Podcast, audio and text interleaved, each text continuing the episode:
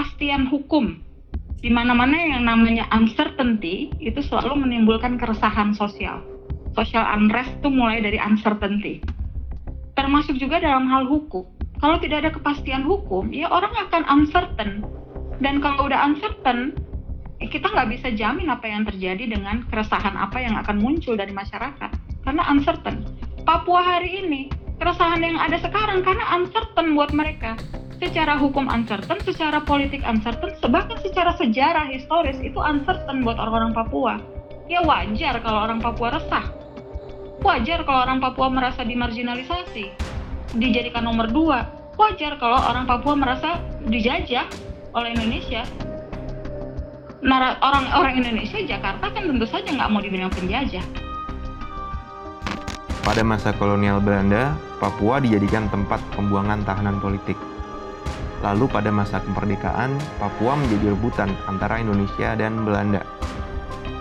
Ketika rezim pemerintahan Indonesia berganti dari Orde Lama ke Orde Baru, tanah Papua dijual kepada perusahaan asing.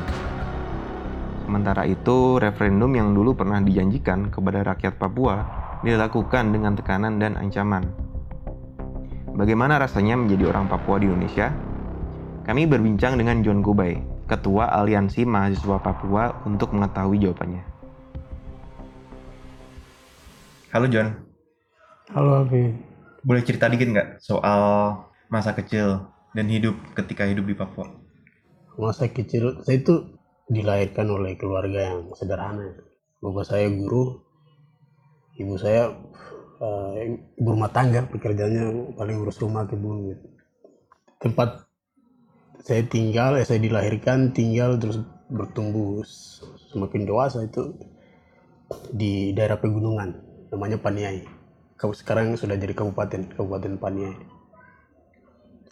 Aktivitas saya paling setelah pulang sekolah, naik ke gunung, main di pohon.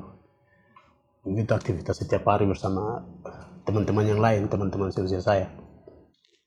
Tapi situasi tahun tahun itu sampai tahun 2000 itu kami tidak kenal yang namanya mobil. Masih di pedalaman itu mobil jalan yang apalagi listrik. Sesuatu yang baru yang agak modern itu mungkin sekolah sekolah sama buku-buku yang ada di sekolah gambar-gambar tapi satu pengalaman yang sulit saya lupakan tuh sampai sekarang masih hangat dalam saya punya ingatan. Waktu itu kami masih masih aktif di sekolah. Lalu tiba-tiba ada banyak tentara yang datang di tempat kami itu di di sekolahan itu. Lalu guru-guru itu disuruh keluar semua. Disuruh itu tahu persoalannya apa. Kalau waktu itu masih kecil. Lalu jarak 100 meter kalau nggak salah itu dari dari halaman sekolah itu ada parit got mereka di, disuruh tidur di situ direndam. Buat yang penuh kotoran malah di situ guru-gurunya? Guru-gurunya. Nah bapak saya cerita kalau itu kelompok Raja Wali operasi. Sehingga itu sebelum tahun 2000 ini SD atau SMP SD masih kecil sekali itu. Tahun 2098 atau 1999 hmm.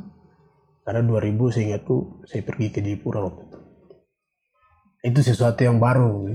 Jadi setelah pengalamannya hanya hutan terus main di halaman sekolah halaman gereja baru pertama kali kenal hal seperti itu. Sampai sekarang di tempat itu belum ada listrik. Di, di, di saya punya kampung belum ada listrik. Jalannya udah ada sebenarnya. Cuma listriknya yang belum ada. Terakhir saya pulang ke Papua itu 2000 Januari 2020 kemarin. Sampai di sana belum ada listrik itu pengalaman pertama dengan militer. Pengalaman pertama itu. Kemarin itu di Twitter kan ada video di Papua, daerah mana ya itu? Militer lewat dari depan rumah warga. Hmm. Terus anak-anak itu langsung otomatis nunjukin badannya kalau nggak ada senjata. Sebiasa apa sih sebenarnya yang gitu-gitu itu di sana? Itu di Yaukimo, mm -mm. itu kemarin itu di Okimo sampai sekarang masih ada operasi. Itu banyak warga yang mengungsi. Di Okimo ya seperti itu. Mungkin di sini agak jarang sih tapi kalau di sana memang begitu. Begitu maksudnya uh, orang yang punya kumisnya panjang kayak saya nih. Oh saya gak kelihatan ya. Kumisnya panjang itu kadang dikira ini kelompok dari UPM gitu terus diintimidasi biasanya bahkan paman saya itu tidak salah dia justru dia, dia pergi ke warung yang ada di dekat pos TNI itu pos TNI yang depan dekat apa kampung kami itu tidak tahu persoalannya apa tapi tiba-tiba anggota TNI-nya itu datang lalu dipotong pakai pisau itu sampai Wajahnya? ini, oh iya, sampai ini terlepas Kenapa? Ada apa dengan kumis? Hah? Dan ada apa dengan rambut wajah? ya itu stigma yang dibangun tuh sudah lama. Kalau kumisnya panjang yang gelang gelangnya banyak gelang yang dari rotan ya. Orang di sana tuh kan kerajinan tangan biasanya pakai rotan bikin gelang atau apa. Itu dianggap apa? Kalau bagian dari kelompok UPM Jadi gimana? Gimana cara berpakaian yang dianggap nggak mengancam militer? Mungkin saja. Mungkin ya. Saya, tidak tahu apa yang dipikirkan oleh mereka tapi mungkin kita harus lebih menyesuaikan budaya ke barat-baratan ya kayak gitu. Karena padahal di di pedalaman saya itu masih banyak orang yang masih apa pola hidupnya masih tradisional. Masih ada yang pakai koteka pegang HP tapi masih pakai koteka ada yang kalau jalan ke pergi ke hutan cari kayu bakar masih bawa panah. Nah itulah. Dulu bahkan dulu yang lebih ngeri itu ada operasi koteka namanya. Mm-mm. operasi koteka di Wamena itu. Jadi orang dipaksa harus pakai baju. Yang tidak mau banyak banyak orang yang korban di sana. Operasi koteka itu tahun 2000 Selain koteka, apa aja yang dipaksakan ke orang Papua? yang tidak boleh. Paling selain koteka noken. Noken ya noken tapi bermotif bintang kejora. Mau ibu-ibu tuh kan suka bikin noken terus cari yang apa pembelinya mau tuh. Kalau noken BK ya paling laku tuh di sana. Mau harganya 200 500 udah amat laku tuh semua noken. Jadi ibu-ibu tuh suka bikin noken pakai motif BK tapi itu dilarang. Biasanya di apa di disita sama polisi. Selain itu juga gelang. Gelang yang bermotif bintang kejora. Itu itu itu saja dilarang kalau soal yang misalnya duduk berdiskusi apalagi demonstrasi itu gila. Itu paling diberadabkan dengan senjata berdiskusi tidak boleh. Jangan diskusi di apa? Biasanya malam atau sore itu banyak anak muda yang apa duduk nongkrong di pinggir jalan. Paling itu saja dibubarkan. Sering itu di kalau di Nabiru paling sering. Alasannya apa dibubarkan? eh, tidak jelas alasannya apa tapi selalu saja itu ada polisi yang datang lalu mengumpulkan saya kan dulu di asrama di Nabura itu. Di depan asrama itu mata jalan perempatan jalan di situ ada deker tempat duduk. Ya kami sering nongkrong di situ tapi kalau ada polisi lari kami. Masuk ke asrama. Itu. sering. Jadi hubungan dengan polisi itu selalu buruk atau ada yang baik juga? Kalau person ada yang baik sih person. Personal ya. Ada polisi yang tapi kalau secara institut susah ya. orang orang Papua itu anggap justru mereka itu meresahkan gitu. Kesimpulan meresahkan itu dari aktivitas yang tadi itu. Ya, orang bikin pergi ke kebun bawa panah dianggap itu bawa senjata tajam. Atau duduk nongkrong tidak boleh. Bahkan rahasia motor itu saja.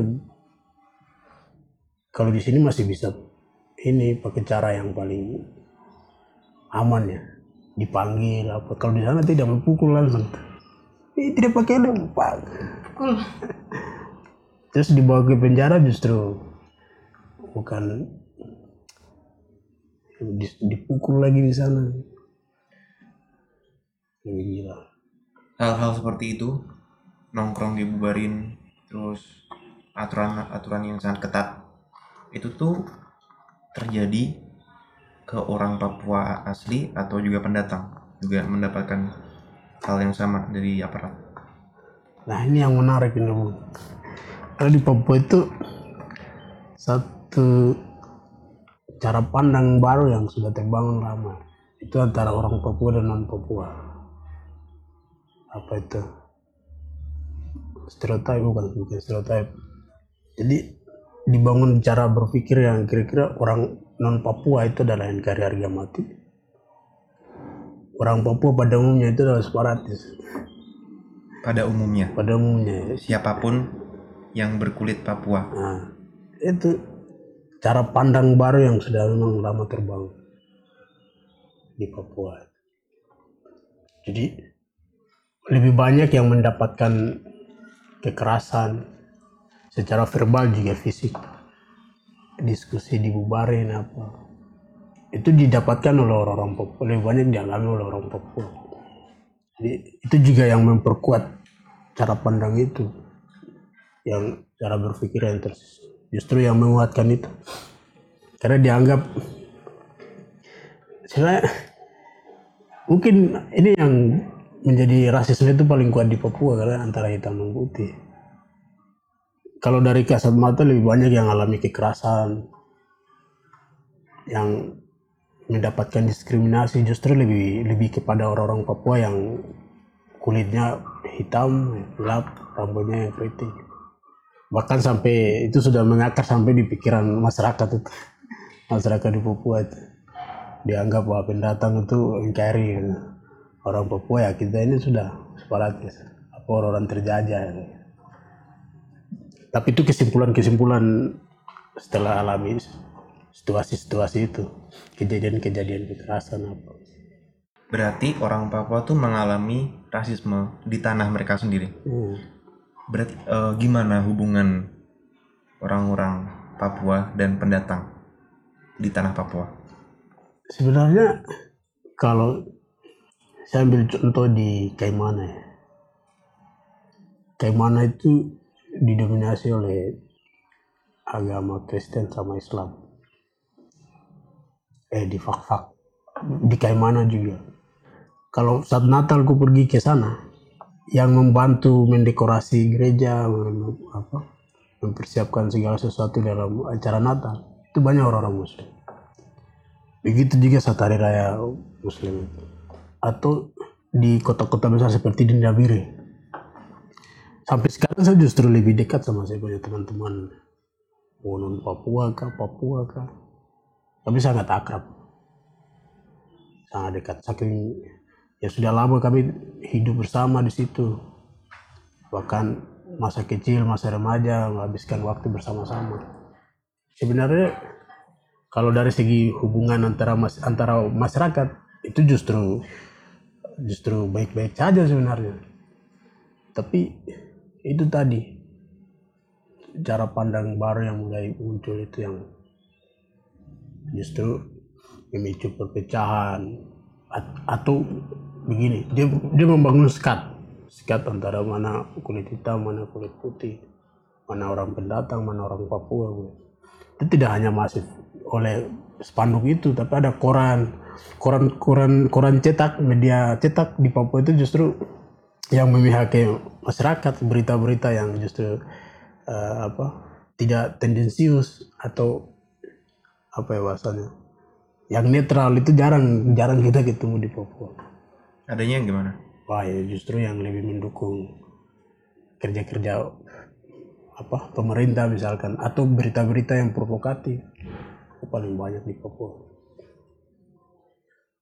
kapan kamu sadar bahwa kulitmu itu menjadi medan konflik? Sebenarnya kesadaran itu mulai ditanamkan sejak awal. Saya pertama kali ketemu TNI setelah itu kejadian-kejadian berikut. Di SMP lihat orang ber- berdemonstrasi lalu dibubarkan ditembaki waktu SMA lihat si punya kawan-kawan juga ada yang masuk penjara. Sejak itu kesadaran bahwa ah, ini ada yang tidak beres ini. Itu sudah mulai muncul. Ya.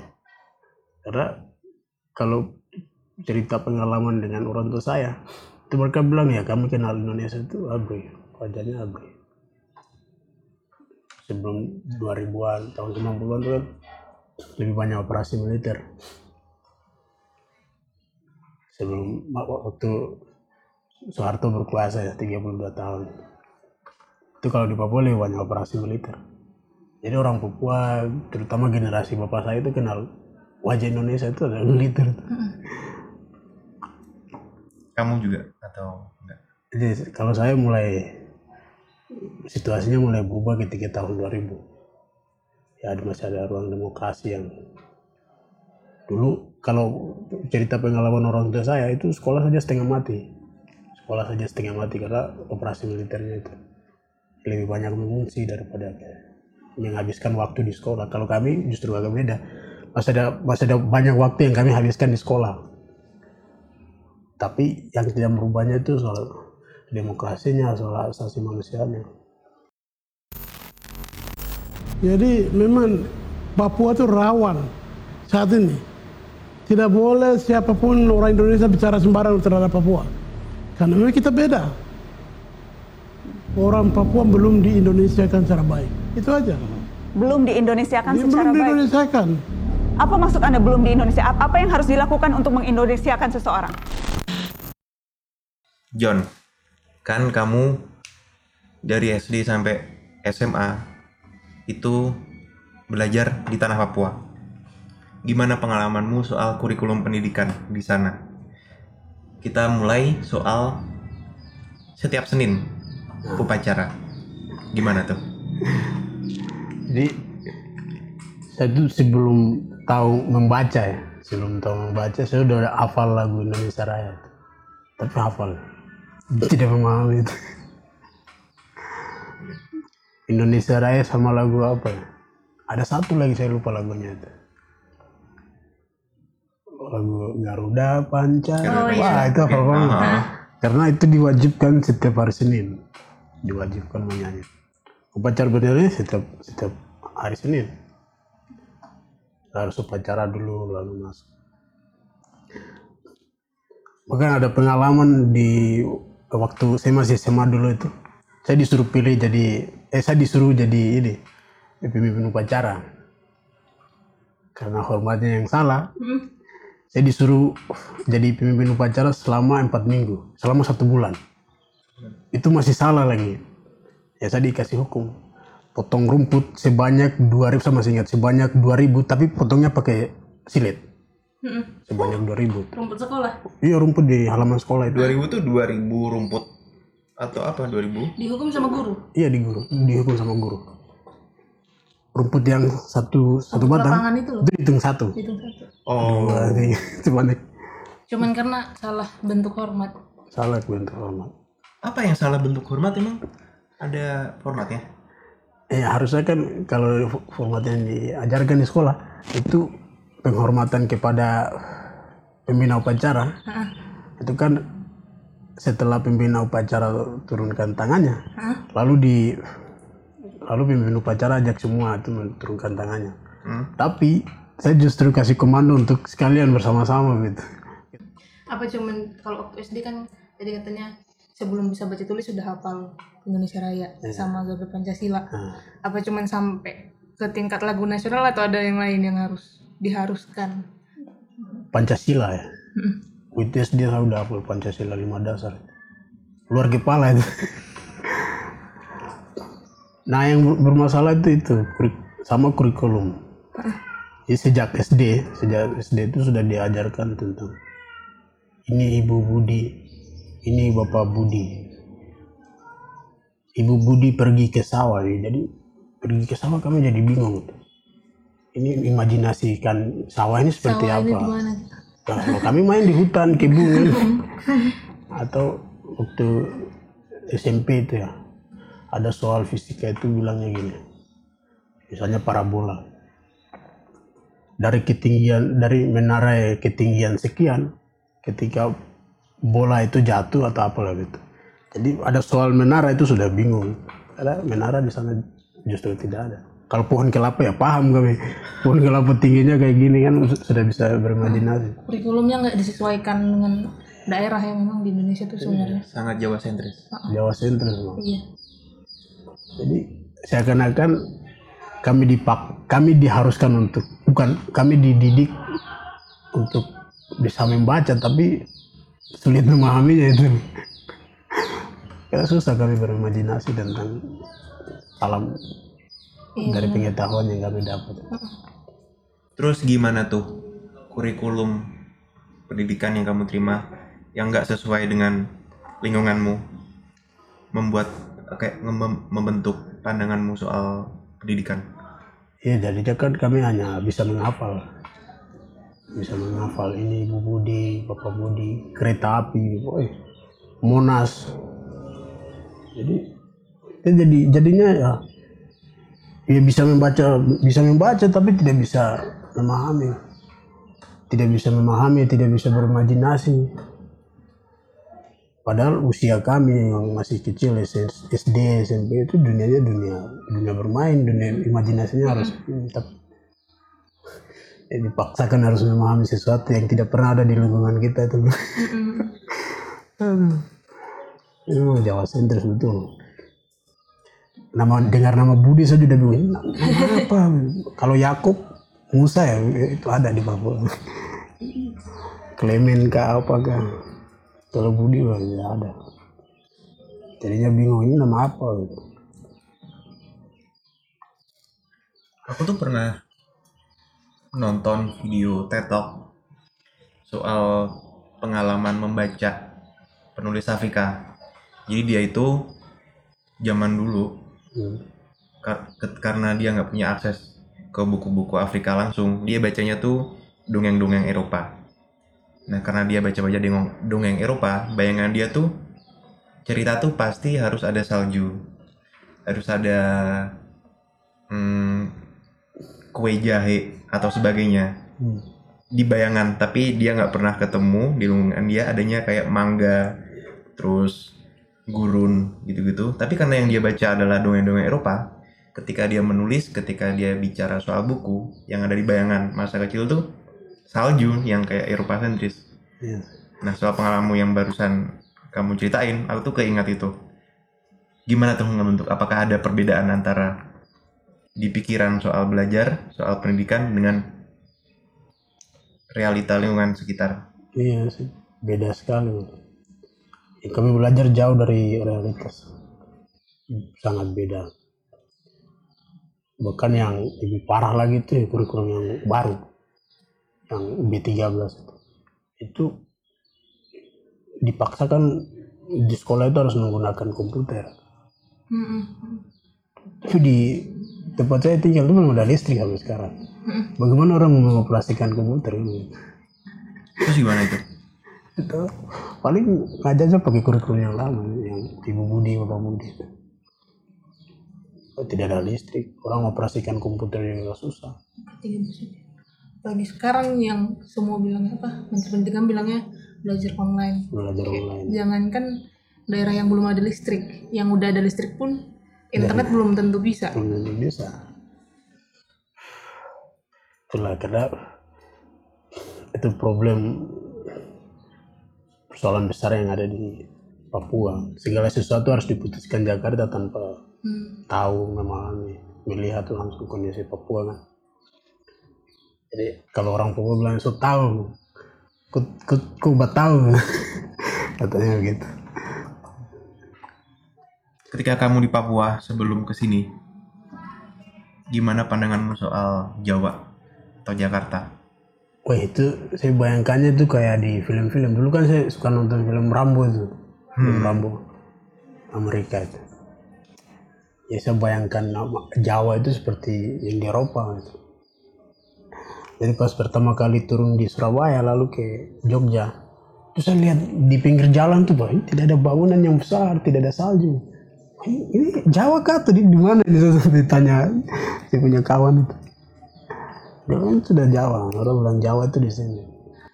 Eh, tapi yang membedakan Papua dengan Jawa itu soal ruang demokrasinya.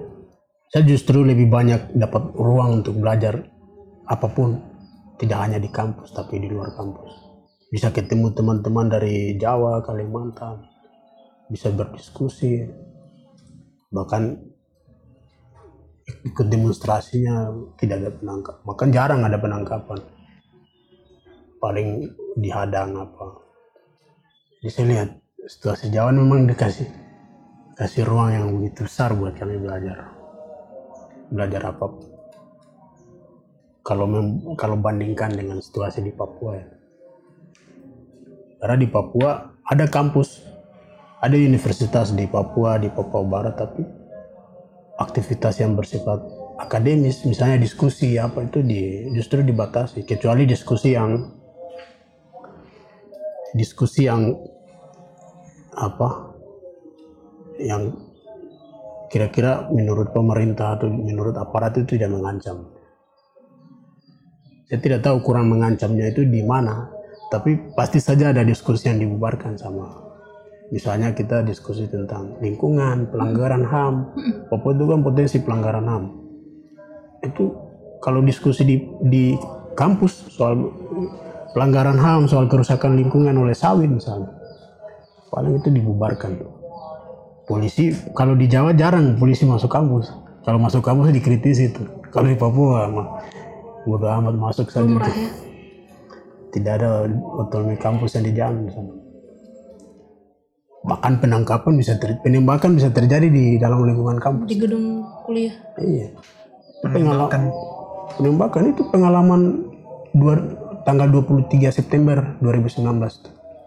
itu penembakan penangkapan itu terjadi di di halaman kampus. Di Uncen. Kuncen. rektornya izinkan kan polisinya bilang ah, itu di, diperintah sama diizinkan sama rektor untuk amankan pendemo kan. padahal itu mahasiswa semua. Ya itu bedanya Jawa dengan Papua. John, ceritain dong pengalamanmu datang ke Jawa. sebenarnya saya itu orang yang salah satu anak muda Papua yang beruntung. Karena bisa sampai di Jawa kuliah. Karena banyak teman-teman seumuran saya itu yang tidak tidak sekolah di Papua tidak mendapatkan pendidikan yang baik. Kalangan ini mereka disebut Aibon. Aibon itu stigma sosial. Bagi mereka yang tidak sekolah pengangguran pekerjaannya nggak jelas. Nah saya itu bisa sekolah karena bapak saya itu PNS bapak guru. Jadi ada punya penghasilan yang bisa biayai nah sampai di Jawa saya mendaftar di tiga universitas di Jogja itu satu yang pertama itu universitas sekolah eh bukan universitas sekolah tinggi teknologi nuklir STTN nah tapi di sana tidak diterima. 2014 alasannya karena pendaftarannya sudah tutup. Padahal saya cek di online itu masih buka saya masih bisa daftar. Waktu itu saya daftar di gelombang kedua kalau nggak salah. Tapi tidak diterima.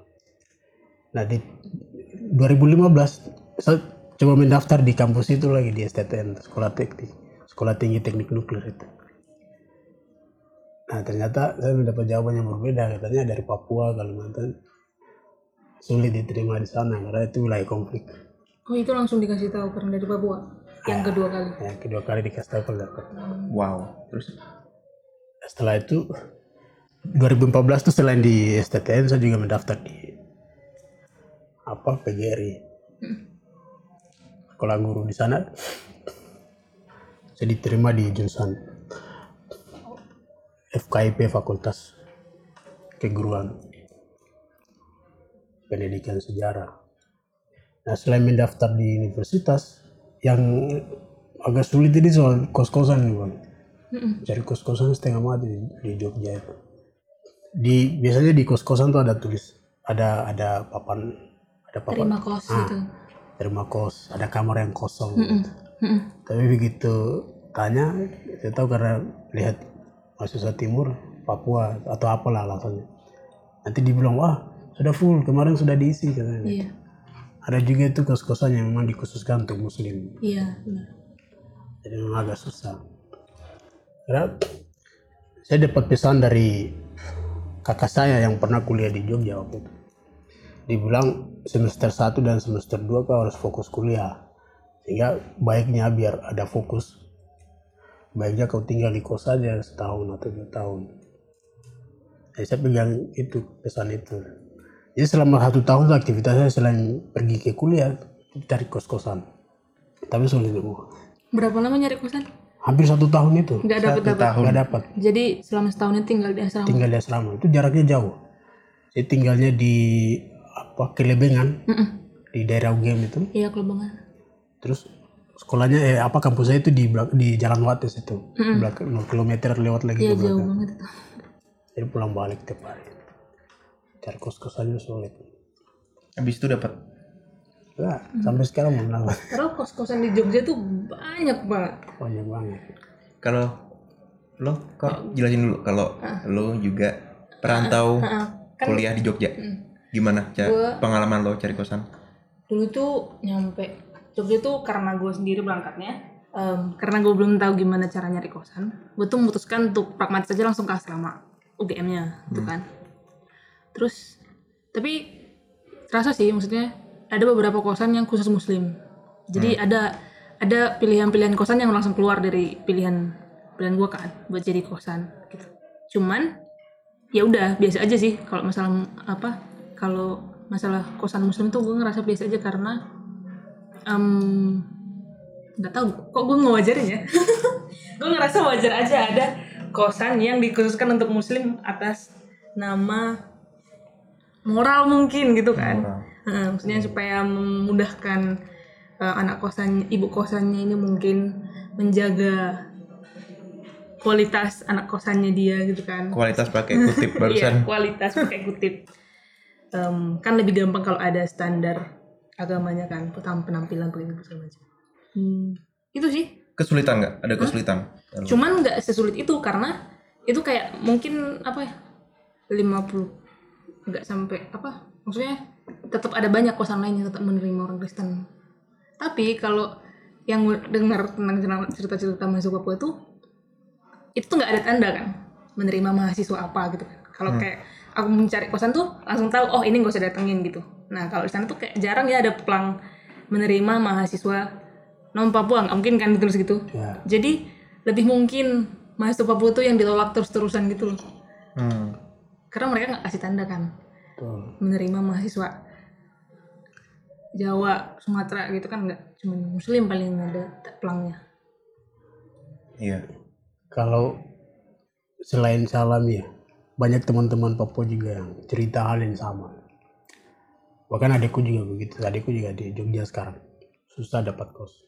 Semakin sulit itu mulai terasa di tahun 2015 16 sehingga teman-teman Papua itu lebih banyak di asrama.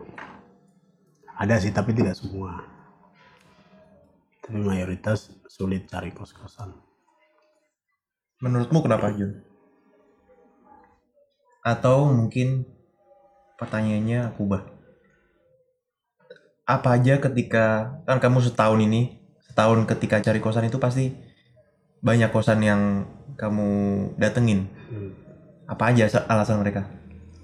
ya paling paling banyak alasan yang mereka gunakan sudah terisi kamarnya sudah full sudah terisi oh ada yang sudah pesan kemarin kayak gitu padahal itu sudah ada sudah jelas ada kamar yang kosong. Itu sih. Tapi alasan itu kenapa saya kurang tahu. Mungkin ya yang bisa berapa menjadi alasan saya untuk menerjemahkan ini semua. Itu soal stereotype gitu. pandangan apa stigma buruk yang dibangun. Itu sampai ber- berdampak sampai pada masyarakat. Jogja secara luas. Mahasiswa Papua yang rese di kos-kosan mabuk-mabukan itu pakai helm. Itu juga bisa jadi al- alasan lain. Nah, ini kan menurut saya nih menerjemahkan ini kenapa ditolak. Tapi untuk mencari tahu kenapa alasan mereka saya kurang tahu soal itu. Tapi banyak kawan-kawan Papua yang alami hal itu penolakan. Tapi emang kuat banget sih stigma. Em, Papua tuh rusuh gitu. Makanya sampai kos-kosan tuh sangat susah buat orang Papua. Kayak mahasiswa Papua tuh kalau berkumpul pasti warga lokal tuh nilainya liatnya wah bakal rusuh nih gitu. Atau misalnya gue pernah sekali waktu di Jogja itu lewat Malioboro naik taksi. Hmm. tapi lagi ada aksi kan. Nggak ada mahasiswa Papuanya. Terus supir taksinya apa ya? Bilang ya biasa lah mbak orang Papua gitu. Lagi rusuh gitu. Kan lo 4 tahun kuliah di Jogja. Berapa kali lo ngeliat mahasiswa Papua kumpul dan dari jumlah itu berapa yang rusuh? cuman sekali itu sih yang pernah naik taksi itu masih maba setelah itu ketemu mahasiswa Papua tuh diskusi sebenarnya jadi udah belum nggak pernah lagi setelah itu ketemu yang dikatain rusuh Berarti dari sekian sekian pertemuan lo dengan mahasiswa, mahasiswa Papua cuma satu aja kan yang rusuh. dan itu sebenarnya bukan rusuh itu demo kayak biasa ya sebenarnya biasa. di Malioboro di ya. Jogja kan Malioboro tuh tempat demo ya dan bukan rusuh sebenarnya mas istilahnya. Kayak itu tuh cuman jalannya ketutup dikit Hmm. karena ada banyak orang. Tapi bahasa yang dipakai adalah banyak masuk Papua rusuh gitu. Padahal demo tuh di sana hal biasa ya di jalan itu Malioboro. Malioboro itu tempat demonstrasi titik nol. Petani musliman pedagang kaki lima Papua Aceh. Demonya di situ pasti Undang-Undang Dasar Negara Republik Indonesia tahun 1945 pembukaan bahwa sesungguhnya kemerdekaan itu ialah hak segala. Oleh sebab itu, maka penjajahan di atas dunia harus dihapuskan karena tidak sesuai dengan pri kemanusiaan dan pri keadilan.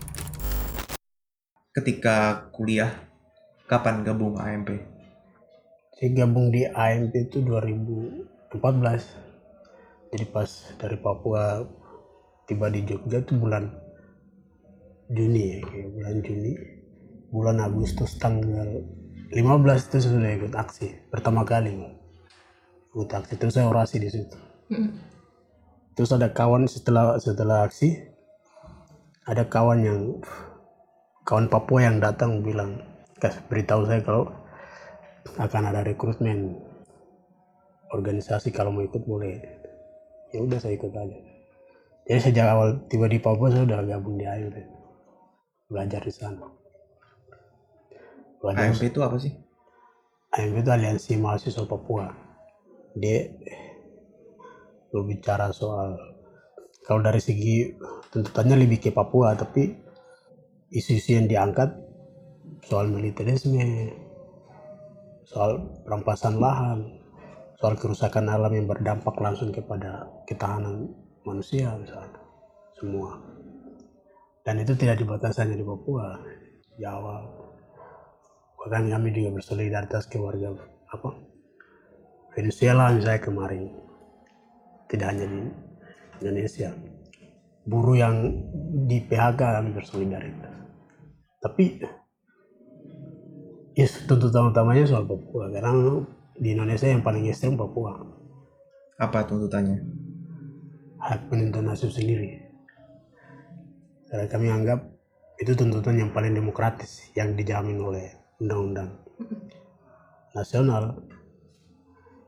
Ini ratifikasi dari undang-undang internasional tuh soal hak sipil dan hak sipil politik dan budaya sosial budaya. Menurutmu bagaimana selama ini Jakarta memperlakukan Papua? Jakarta itu suka menentukan kebahagiaan orang Papua. Ini abstrak ya? Apa-apa ya abstrak. Apa. nanti kita jelaskan. Suka menentukan kebahagiaan orang Papua tanpa tahu kebahagiaan orang Papua itu ada di mana misalnya pengangguran di Papua itu Jakarta menganggap ini akan selesai dengan pembangunan jalan misalnya atau pelanggaran HAM itu akan selesai dengan cara memodernisasi Papua. Padahal justru pembangunan infrastruktur itu juga mengakibatkan pelanggaran HAM yang panjang Papua. Pembangunan jalan yang, di, yang, di, yang dipekerjakan oleh tentara. Di sisi lain juga masif masuk perusahaan-perusahaan asing juga perusahaan nasional. Dan itu akan berdampak langsung kehilangan kerusakan alam kehilangan ekosistem hewan bahkan pada manusia. Hutan sagu hilang dibabat habis oleh kelapa sawit misalnya. Di Asmat itu di Merauke. Lalu warga warga di Merauke itu terpaksa harus makan beras. Karena hutan sagunya udah hilang. Dan itu berdampak langsung kepada ketahanan tubuh. Banyak gizi buruk. Karena pergeseran pola makan. Gizi buruk campak. Dan yang izinkan perusahaan itu negara.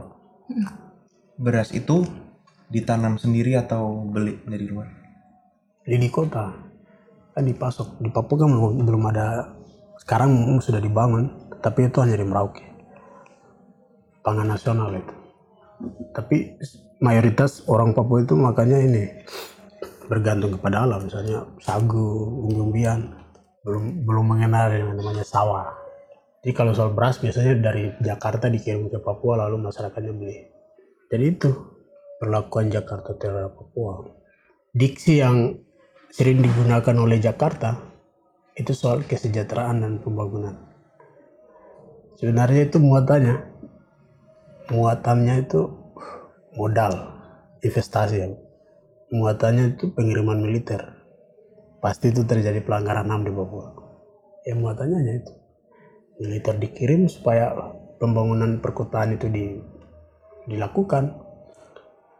Jika ada warga yang protes, itu di stigma separatis lalu direpresi.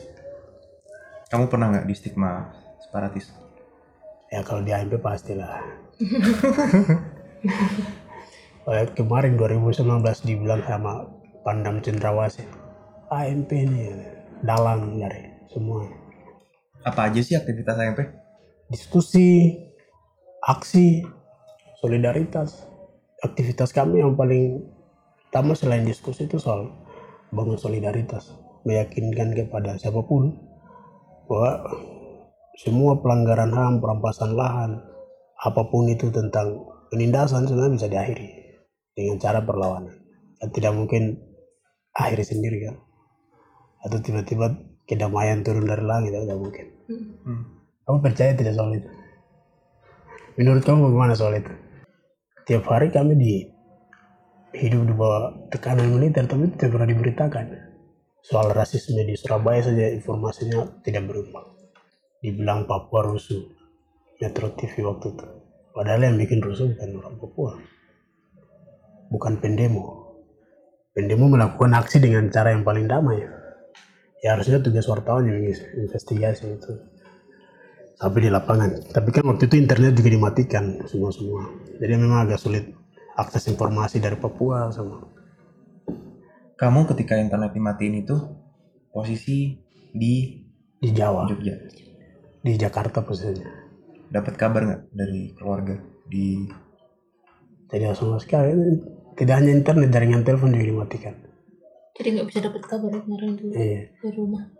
Jadi nggak bisa selama berapa minggu itu. Sejak tanggal berapa tuh internet dimatikan? Agustus, Agustus akhir kalau nggak salah. Itu sudah dapat kabar. apa yang terjadi di sana? Demonstrasi yang paling besar yang tidak pernah terjadi sepanjang sejarah orang Papua. Itu demonstrasi selama internet dimatikan itu. Seluruh Papua itu demonstrasinya paling damai. Tapi ada juga yang memprovokasi. Ada pembakaran kantor di situ. Ada konflik horizontal malah.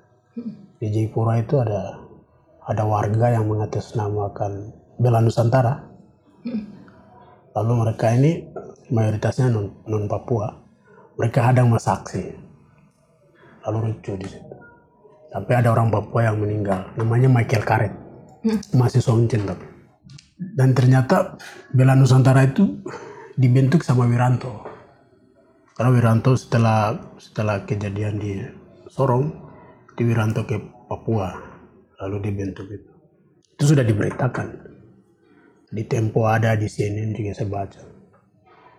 Wiranto ikut terlibat dalam membentuk barisan ormas itu ormas Nusantara itu. Bela Nusantara. Bela Nusantara tapi reaksioner. Gimana sih perasaan apa yang kamu pikirkan ketika ada Bela Nusantara, NKRI harga mati, Sapa Puasa Indonesia, pesan-pesan yang uniting kayak gitu tuh gimana sih dampaknya ke perjuangan kalian AMP? ya sebenarnya semangat semacam itu dibangun. Misalnya bela Nusantara. Mau apa yang mau dibela Nusantara atau bela NKRI yang mau dibela apa?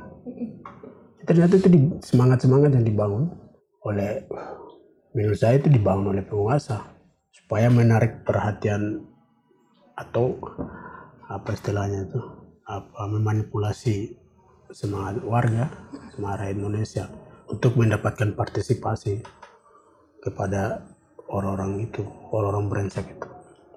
Oh, nyat- nyatanya soal perampasan lahan soal kehidupan yang soal kemiskinan soal pengangguran tidak hanya di Papua justru di mana-mana di Indonesia itu terjadi. Jadi semangat-semangat itu memang sengaja dibangun supaya ada kelompok supaya ada masyarakat yang tertindas itu terkelompok-kelompok dalam semangat yang dibangun itu. Papua NKRI ngomongin tentang yang internet dimatiin tadi itu kan akhirnya orang Indonesia kan nggak tahu ya tentang apa yang kejadian waktu internet mati itu kan karena informasi dibatasin dikit kan sebenarnya berita tentang kita dari situ. Ini pengalaman kita yang pernah nulis artikel pamflet itu. Ya. Em, terus kemarin kan banyak kan berita tuh bilangnya di Papua tuh lagi ada rusuh konflik horizontal gitu kan. Nah waktu setelah Black Lives Matter itu naik kan kita jadi banyak kan yang kampanye Papua Lives Matter gitu. Orang-orang Indonesia juga banyak bikin artikel terus kita bikin artikel tentang gimana caranya membantu untuk menyuarakan Papua Lives Matter Menjadi menjadi sekutu yang baik. Iya, kita cuma bilang tentang gimana menjadi sekutu yang baik. Baca berita berimbang gitu. Em, bantu orang Papua me- men- menyebarkan aspirasinya, gitu-gitu doang kan. Terus ini ya khas dari masa-masa sekarang kan buzzer. Buzzer itu kan mantap banget menghabiskan semua kampanye-kampanye kan. Nah, caranya mereka tuh ini bilangnya gini, membuat orang Indonesia tuh bersalah kalau ngomong kayak kalian tuh jangan ikut-ikutan bikin rusuh. Kalian nggak tahu apa kalau kalian ngomong gini itu bisa bikin orang Papua di sana terancam bahaya loh. Jangan lupa kemarin tuh ada masalah konflik itu korban jiwanya sampai segini segini segini. Jadi cara memecahnya tuh gitu juga kayak Iya. dia mau buat kita orang Indonesia yang nggak tahu tentang berita di Papua itu jangan juga ikut ngomong tentang Papua karena kita nggak tahu eh karena kita bisa membuat kondisi di sana makin parah Kayak di balik konflik yang dihadap- dihadapi orang-orang Papua di tanah mereka tuh ada perang informasi Mm-mm. untuk yang dihadapi orang-orang sekutu orang-orang Indonesia yang mencoba bersolidaritas dengan orang-orang Papua gitu. Jadi kayak informasi tuh bisa jadi senjata. Dan kita diserang buzzer sebenarnya iya kita diserang buzzer. ketika artikel itu terbit. dulu tuh aku waktu kuliah tuh selalu dibilang gini em, kalau ngomongin Papua eh, jangan tanya orang Papua gimana caranya eh, buat buat apa pun lah Hmm. karena yang bikin apa bukan yang punya privilege itu kita misalnya ini konteks Jogja ya masalah kosan jangan tanya orang Jogja gimana supaya dapat kosan tanyakan sama kita orang yang punya privilege yang punya akses ini gimana caranya kita bisa bantu em, mengubah sistem yang rasis ini gitu. Misalnya kita eh, mahasiswa ya misalnya mahasiswa Jogja yang mahasiswa Jogja misalnya yang udah dapat kosan mulai ngomong ke ibu kosan bu sebenarnya nggak apa-apa loh punya anak kosan itu orang Papua. Sebenarnya stigma itu salah loh bu. Mahasiswa Papua tuh ke sini buat belajar sama aja kayak saya gitu Hmm. Kami sama-sama mahasiswa FIB nih, pelajaran kami sama. Kami ke sini tuh datangnya buat sekolah, nggak ada yang Iya, beda. betul. Jadi tuh pemberatannya adalah tugasnya tuh di kita yang punya akses buat ngomong sama kita. Kita yang punya privilege bisa jadi tameng perjuangan. Iya. Kayak bisa dimulai dari hal kayak gitu. Kalau di Jogja ini konteks juga ya masalah kosan. Ya. Mungkin dalam hal Papua secara luas, mungkin kita paling lemah-lemahnya iman adalah mulai ngomong ke teman dan Iya. di rumah kita ya keluarga gitu tentang pemahaman kita tentang Papua itu apa gitu. Mulai ngomong tentang rasis itu salah gitu. Nggak cukup Jangan untuk jadi rasis. nggak jadi rasis, tapi kita harus jadi anti rasis. Hmm. Kalau dulu zaman Indonesia lagi berjuang melawan Belanda itu, sebenarnya yang melancarkan perlawanan terhadap Belanda itu tidak hanya orang Indonesia. Hmm. Ada solidaritas dari orang-orang Belanda di Belanda, Hmm. juga di Indonesia. Betul. Kemerdekaan Timur Leste juga tidak hanya orang-orang Timur Leste yang berjuang. Ada orang Indonesia yang berjuang. Orang-orang ini masih hidup. Kemerdekaan Vietnam itu juga tidak hanya orang-orang Vietnam yang berjuang. Ada demonstrasi di Amerika, warga Amerika demonstrasi, Nah, mendesak pemerintahnya untuk menarik perang. pasukan, nah, menghentikan perang. Ada juga di Jerman, wa- mahasiswa yang berdemonstrasi untuk menekan pemerintahnya supaya pemerintahnya beritahu kepada mereka supaya menghentikan perang. Mm-mm. Mahasiswa-mahasiswa itu ya, aksinya aksi gerilya. Ya sepanjang semangat kami adalah semangat bukan kami kita.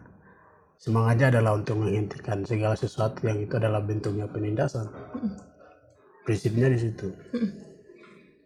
Soal apa yang kami bisa lakukan itu tergantung apa media berperan seperti apa, seniman mau berperan seperti apa. Yang prinsipnya adalah satu, orientasinya untuk kebebasan, menghentikan penindasan. Saya kira itu tidak ada usulan konkret di sebenarnya. Iya, Karena perjuangan bisa apa saja bisa dilakukan. di masing-masing Ya. kanal kita yang kita tempatin. Dengan porsi masing-masing. Kamu pertama kali kenal informasi tentang Papua itu kapan? Pas ketemu Rulan. Roland. Siapa tuh Roland? Berarti waktu udah kuliah, Setelah kuliah bahkan. setelah lulus. Hmm. Oh, Roland yang anak MP itu. Hmm. Roland Levy. Iya Rulan sih. Banyak informasi yang diakses dari dia. Dari ngobrol sih. Dari ngobrol terus cari tahu sendiri. Jadi kayak gerbang aja si Rulan sebagai gerbang. Dan itu kayak baru tahu kalau ada sejarah di balik perjuangan orang-orang Papua. Jadi kayak mungkin banyak orang-orang yang orang-orang Indonesia, apalagi orang Jawa yang masih dalam kondisi kayak aku sebelum ketemu Rulan. Dia kayak memandang Indonesia tuh aman, nyaman, damai, tentram. Semua orang itu NKRI harga mati. Kayak gitu. Jadi menurutku setiap orang kayak dikondisikan untuk percaya bahwa Indonesia tuh baik-baik aja. Dan semua orang yang mempertanyakan keadilan itu perusuh. Dan baliknya ini sih balik ke akses informasi sih. Dan aku ngerasa orang-orang yang mungkin ya kayak orang-orang pemilik kos di Jogja itu tuh nggak jahat karena dia niat jahat. Jahat dia itu rasisme rasis eh, sikap rasis dia tuh muncul karena dikondisikan. Gimana dia hidup gimana dia tumbuh sampai ada pengalaman rasis tuh nggak secara bebas memutuskan untuk dia rasis tapi karena ya dia dapatnya informasi kayak gitu. Dia merasa itu tuh hal yang seharusnya kayak normal dia itu emang anak Papua perusuh. Jadi kayak ada musuh ada apa ya banyak kalau eh, wayang tuh ada dalangnya yang membuat orang-orang tuh memandang orang Papua emang bikin rusuh. Jadi dia nggak punya pengalaman sebelumnya. Belum terbuka lah mungkin. Kalau yang kurefleksikan sih dari apa ya belajar 12 tahun SD sampai SMA tuh 12 tahun kan ya? SD sampai SMA tuh ini konteksnya aku belajar di Sumatera ya. Tentang Papua tuh mentok cuman tentang Indonesia itu indah. Kita beragam dari mulai Sabang sampai Merauke. Eh, kita negara yang luas dan kaya gitu. kita orang-orangnya beragam gitu. Cuma sampai situ. Hmm. informasinya titik sampai situ. Paling kalaupun ada sejarah tuh waktu SMA tentang eh, gimana perjuangan Indonesia merebut Papua, dari, Belanda. tapi itu aku ingat cuma setengah setengah halaman di buku sejarah aku ingat. Ya. itu aku baca. Udah berhenti sampai situ. Terus udah nggak ada lanjutan kalimat. Gimana kondisi Indonesia yang beragam ini hidup di bawah Indonesia ini? Gitu kan. Jadi kita informasi itu cuma sampai situ aja. Nggak nggak diajak buat tahu pengalaman hidup kita Indonesia dari Sabang sampai Merauke ini gimana di masing-masing tempat gitu Jadi kayak di sudut pandangnya tuh sudut pandang apa ya? Nasional patriot patriotisme atau nasionalisme ya? Kayak kayak inilah kejayaan kita, inilah ketika menang, inilah kita ketika menang dari Belanda. dan ini ya apa apa bahasa kalau bilang Indonesia tuh indah dan damai dan beragam itu kuat banget melekat di kita dari pendidikan kita itu sampai kita tuh diajarin kalau sampai ada orang yang bilang enggak itu tuh cuma mau bikin rusuh. Kondisi yang udah damai ini. Padahal kalau dipelajari lebih jauh damai itu bahkan belum ada sebenarnya. Dari mulai kita di, diajarin tentang kemerdekaan itu. Ya, ya. Kayak, jadi apa ya penanaman bahasa Indonesia sebagai Indonesia yang damai rukun beragam tuh terlalu kuat tapi enggak dilanjutkan ke pertanyaan-pertanyaan selanjutnya dan selanjutnya gitu saya melihat bahwa ini ada uh, skenario nasional yang berusaha menutupi semua pelanggaran yang HAM yang ada di Papua termasuk di Darat. Juga pelanggaran HAM berat lainnya di wilayah Indonesia lain. Ya, paling kita tetap berteriak. Cuma kalau kita tidak berbicara, semakin tertindas. Lebih baik kita tetap bersuara. Uh, kita tetap berkampanye, berteriak yang keras supaya ada perhatian dari teman-teman rakyat Indonesia. Maksudnya teman-temannya, kita ini rakyat Papua, mereka rakyat Indonesia, sama rakyat ada saling dukungan, ada solidaritas.